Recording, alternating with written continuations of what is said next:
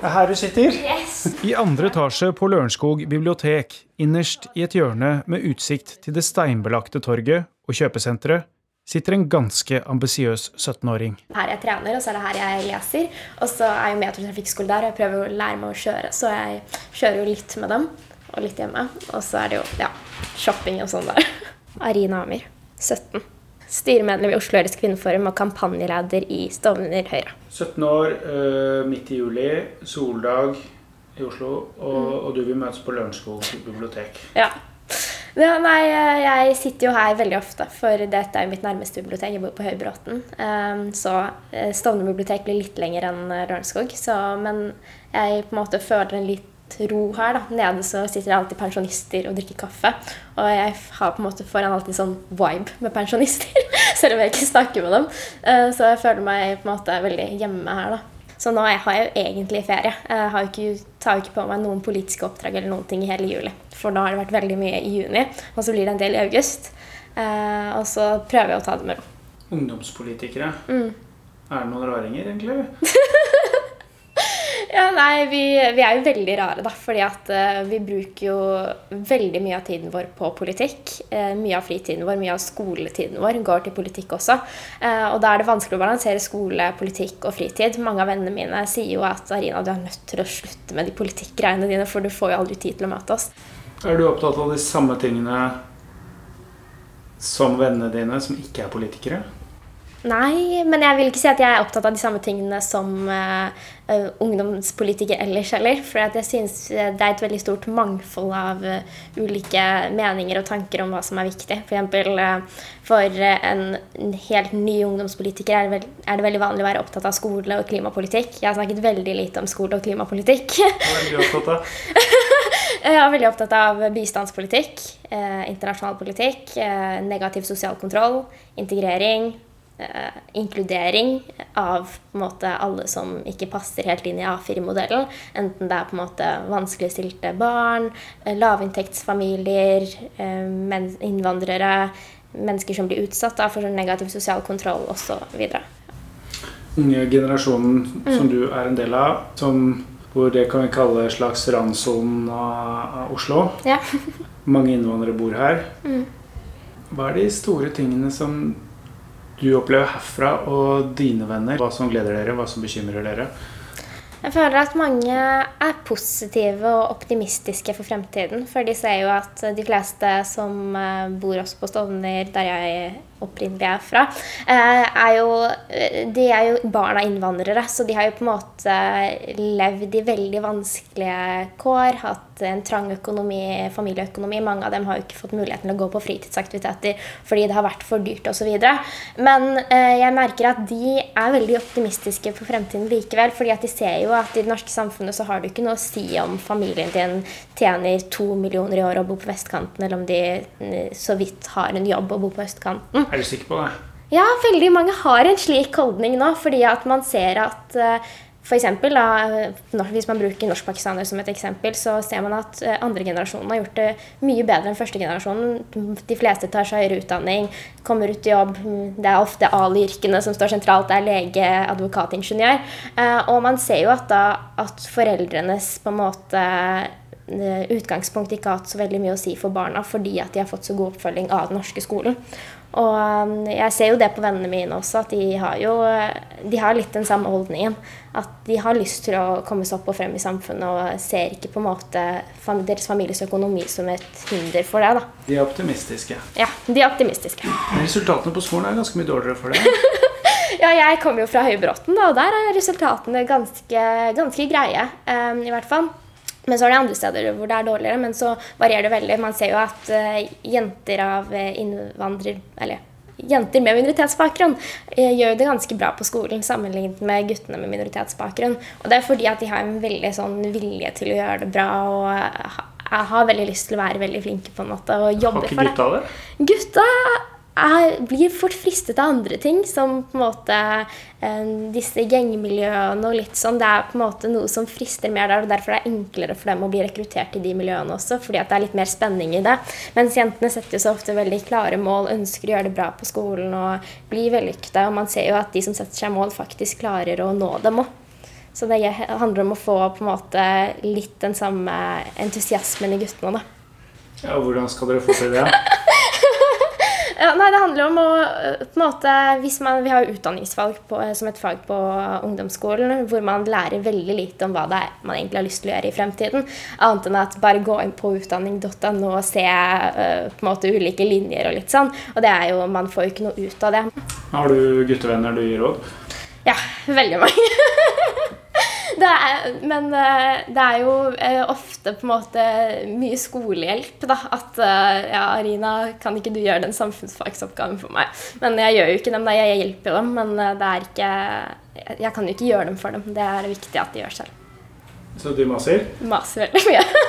Men sånn er det også med vestkantguttene, for jeg går jo på en skole med veldig, mye, veldig, mange som er fra vestkanten i Oslo. Og der er det også Guttene er eh, mye mer eh, på en måte Orker ikke gjøre så mye. Og så er det jentene som eh, er veldig opptatt av å gjøre det bra på skolen. Så da er det til slutt sånn i siste liten Arina, jeg har ikke orket å gjøre den oppgaven, kan du ikke bare sende meg din? Og så er jeg sånn Nei, den burde du gjort tidligere. ja, de prøver å sluntre unna, altså? Ja ofte så er det sånn uansett om man ser på østkanten eller vestkanten, for nå har jeg på en måte litt innblikk eh, i begge sider. Og jeg merker at guttene er ofte unnasluntrere, og så er jentene villige til å gjøre det. Nå har jo du sett begge sider, som du sier. Ja. Altså, hva er den største forskjellen på østkantgutter og vestkantgutter? Klesstil. Østkantguttene er jo ofte på en måte den Ronaldo-sveisen sin også, og de faden sin, og så går de med, går de med de Gucci side-bagene og alt det der. Og så er det vestkantguttene med den midtskillen sin og uh, ja, uh, cargo-bukser Nei, hva heter det? Dressbukser og alt det der. Uh, men væremåten er ikke veldig annerledes utenom måten man snakker på, da. hvis man på en måte ser østkanten, så er det mye kebabnorsk og sånn. og så er det vestkanten som snakker ja, det, vil, det vi vil kalle vanlig norsk. Eh, men så ser man også at eh, på en måte selvbildet til guttene og generelt menneskene på østkanten er mye bedre enn de på østkanten. For de ser jo på en måte foreldrene sine som ofte er veldig vellykkede, og så sier de at vi har lyst til å bli bedre enn dem også, og vi eh, er sikre på at vi kommer til å klare det. Mens de på østkanten har jo på en måte bare et, har lyst til å på en måte komme seg ut i en eller annen form for jobb og på en måte eh, klare å få seg en økonomi eh, for å få ting til å gå rundt. Fordi at jeg har opplevd at eh, foreldrene ikke har klart å få hjulene til å gå helt rundt. Hvor tidlig viser de eventuelt den usikkerheten? da? Veldig sjeldent. Det er, eh, prøver å fremstå som mye mer tøffere og sterkere. Og jeg tror på en måte det er derfor de har et større behov for å på en måte vise seg mer frem da, enn eh, en mange vestkantgutter har. Fordi at de har et behov for på en måte anerkjennelse. Snakker du sånn nært med noen om det? Ja, jeg hadde en eh, kompis på ungdomsskolen eh, som, eh, snakket, som, snakket, en del med meg om det. Så han, han var jo fra østkanten, da. Så det jeg på en måte merket jo at han var jo på en måte veldig den bajasen i klassen, men det var jo fordi at det var vanskelig hjemme og vanskelig med økonomien. Og man ser jo også at mange av de eh, som får seg jobb på vestkant, som jobb på vestkanten, tjener de pengene selv, og så bruker de det på å kjøpe klær og sko eller hva det er til seg selv. Mens eh, de som får seg som jobber på østkanten, må ofte bruke de pengene på å få familieøkonomien til å gå rundt. Og det er jo litt vondt å se, da. At eh, på den ene siden så kan man liksom kjøpe seg helt nye sko, og så på den andre siden så så må man kjøpe, dra på Rema for å kjøpe mat til familien. Hvor dypt stikker sånne, altså de forskjellene man er vokst opp med? Hvor mye tar man med seg? Ja, ja, jeg tror jo at disse forskjellene blir jo på en måte værende hos en eh, ganske lenge. For man ser jo det på når man begynner på videregående og sånn også, at, man, at på en måte vestkanten og østkanten blandes litt, så er det ofte sånn at eh, østkantfolka blir én gjeng, og så blir vestkantfolka én gjeng. Arina Amir har to Høyre-politikere som foreldre. Da var kanskje også valget av politisk gjeng gitt. Jeg skulle ønske jeg kunne sagt nei, men dessverre så svarer jeg. Jeg hadde jo ikke lyst til å engasjere meg i Høyre bare fordi jeg hadde lyst til å være uenig med dem. Men så gikk jeg fra Rødt til SV og så Arbeiderpartiet osv., og, så videre, og så sto det til slutt mellom Frp, Høyre og KrF, og så ble det jo Høyre, da. Så uh, ja. Jeg er veldig enig med mamma og pappa, dessverre. Har du vært innom alle disse? Ja, eh, nei, nei, jeg har lest partiprogrammene eh, til alle disse. Og så skjønte jeg fort at Rødt og SV og Arbeiderpartiet var ikke noe for meg. Og så sto det igjen da mellom Frp, som hadde noen saker jeg var enig med dem om, og så var det KrF jeg var andre, det andre saker jeg var enig om, og så var det Høyre som på en måte hadde det, den helhetlige politikken som på en måte, jeg følte at jeg kunne stå for. da. Jeg vet om en annen politiker som har fortalt den historien, og det er Hadia Tajik. Og hun landa i Arbeiderpartiet, men gjorde akkurat det samme Seg. Sant? Ja, det er virkelig sant, ja. Det er, eh, nå skulle jeg sagt det bare spørre mamma og pappa, men så klart skal de bare si at det er sant. Men ja, nei, det er faktisk sant. Jeg hadde veldig veldig, veldig lyst til å være med mamma og pappa, men så skjønte jeg at eh, det er ikke mulig, dessverre. Unge Høyre-politiker. Får du også mye vestkantvenner? Ja, jeg får jo det, da. Eh, Både nå på skolen og i Unge her. Men vi har jo faktisk eh, Vår største lokalforening i Oslo er jo en som heter Aker, og det er jo på en måte alle bydelene utenom vestkantbydelen og Nordstrand. Så det er jo på en måte Vi har jo en del fra, eh, eh, fra østkanten og sentrum nå også, da, så jeg har blitt kjent med en god del eh, derfra. Men eh, vi er jo ganske like, selv om vi på en måte er fra ulike deler av byen. Noe som er kanskje litt kjedelig noen ganger. Men eh, vi prøver jo å rekruttere et mangfold. Vi- har jo fått et stort mangfold i Voksnøre. Så er det bare, handler det om å få det samme mangfoldet i Unge Høyre òg. Ikke bare sånn sideskill og vaffeljakke. Nei, derfor er det fint å ha meg der. Skott! Nei, det blir jeg nok ikke. Mener for mye. Ja, mener for mye. Blir kalt skape-Frp-er noen gang til og med. Var det? Ja, det er jo, jeg har en bestevenninne mi, eh, eller en av bestevenninnene mine er jo Junge Unge Høyre. Og hun kan meg ofte skape-Frp-er. På Facebook har hun kalt meg skape-Frp-er. Hva har du sagt da? Nei, det, det bare ler jeg av. Jeg sier jo noen litt eh, politisk ukorrekte ting iblant, da, men det, det må være lov, det òg. Har du store ambisjoner? Jeg vet ikke, for å være helt ærlig. Jeg tar det litt som det kommer. Jeg gjør det så lenge jeg på en måte føler at jeg klarer å skape en forandring for de som trenger det mest, og på en måte at sakene jeg brenner for, blir tatt på alvor. Jeg har nok noen ambisjoner, ja, men uh, hovedsakelig når det gjelder utdanning, ikke politikken. Fordi politikken er så uforutsigbar. Hva skal du bli? Jeg har lyst til å bli advokat. Mange av dem Arina Amir har vokst opp sammen med, kommer fra krig og konflikt. Da Russland invaderte Ukraina i februar, kom det som et sjokk og med frykt. Første reaksjon var at eh, Tenk om dette rammer oss.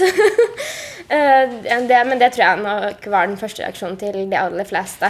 Og så husker jeg at jeg sto, satt jo foran TV-en egentlig hele dagen eh, den dagen, og så fulgte jeg med på absolutt alt. Og vi alle var vel redde. Det var jo på en måte jeg og vennegjengen min eh, sendte jo hverandre konstant meldinger i vennechatten og var sånn Oi, hva er det som skjer nå? Oi, hva er det Putin har sagt nå? Og alt det der. Og man så jo på en måte hver, hver minste setning fra Putin som en trussel da, mot, mot oss. Vi snakker mye om det. Og jeg merker jo på en måte, spesielt i østkanten, så har det vært eh, en litt sånn misnøye, egentlig. Fordi at de er veldig opptatt av at vi skal hjelpe ukrainske flyktninger fordi at de bor eh, nærme oss. Men så, samtidig så blir de liksom provosert av at når man snakker om eh, innvandrere fra på en måte Midtøsten, og litt sånn, så snakker man alltid eh, veldig negativt om dem. Men nå som det er noen i Ukraina som trenger vår hjelp, da skal vi snakke veldig positivt om dem og være åpne for å ta imot 100 000 stykker på en måte til og med, hvis det er det som trengs. Mens fra Moria-leiren så kunne vi bare ta imot 50 eh, for noen år tilbake. Og jeg var jo en av de som eh, forsvarte at vi bare skulle ta imot 50. men jeg ser jo på en måte argumentene til de på østkanten også, at eh, vi på en måte at ordbruken vår er helt annerledes når det gjelder ukrainske flyktninger enn når det var syriske flyktninger. på en måte. Men så står jeg fortsatt fast på mitt at vi skal hjelpe de som bor i våre nærområder. Men kanskje vi skal vurdere å endre språkbruken vår litt når det gjelder å ta imot flyktninger fra Midtøsten, og heller snakke om at det er vanskeligere å integrere dem enn folk som har et ganske likt eh, samfunn som oss, heller enn at vi har ikke lyst til å ta dem imot fordi at de er en brydde for det norske samfunnet, som mange politikere jo sier i dag indirekte. Noen direkte òg. Hva sier du? Jeg mener at jeg er for en streng innvandringspolitikk fordi jeg ønsker at vi skal sørge for at alle som kommer hit, blir integrert godt nok. At de får god nok norskopplæring, får bra samfunnskunnskapsopplæring, får videreutdannelse og kommer ut i jobb, slik at de blir inkludert i det norske samfunnet og ikke på en måte havner utenfor, står i fare for å havne i kriminelle miljøer og sliter like mye her, eller nesten like mye her, som det de ville gjort andre steder. Men i juli har hun altså tatt fri fra politikken. Og hva gjør hun da en fin sommerkveld i Oslo? Sovnetårnet er utrolig fint, så å gå på toppen der om kvelden og på en måte se rundt mot hele Groruddalen, det, det er utrolig fint. Det elsker jeg å gjøre.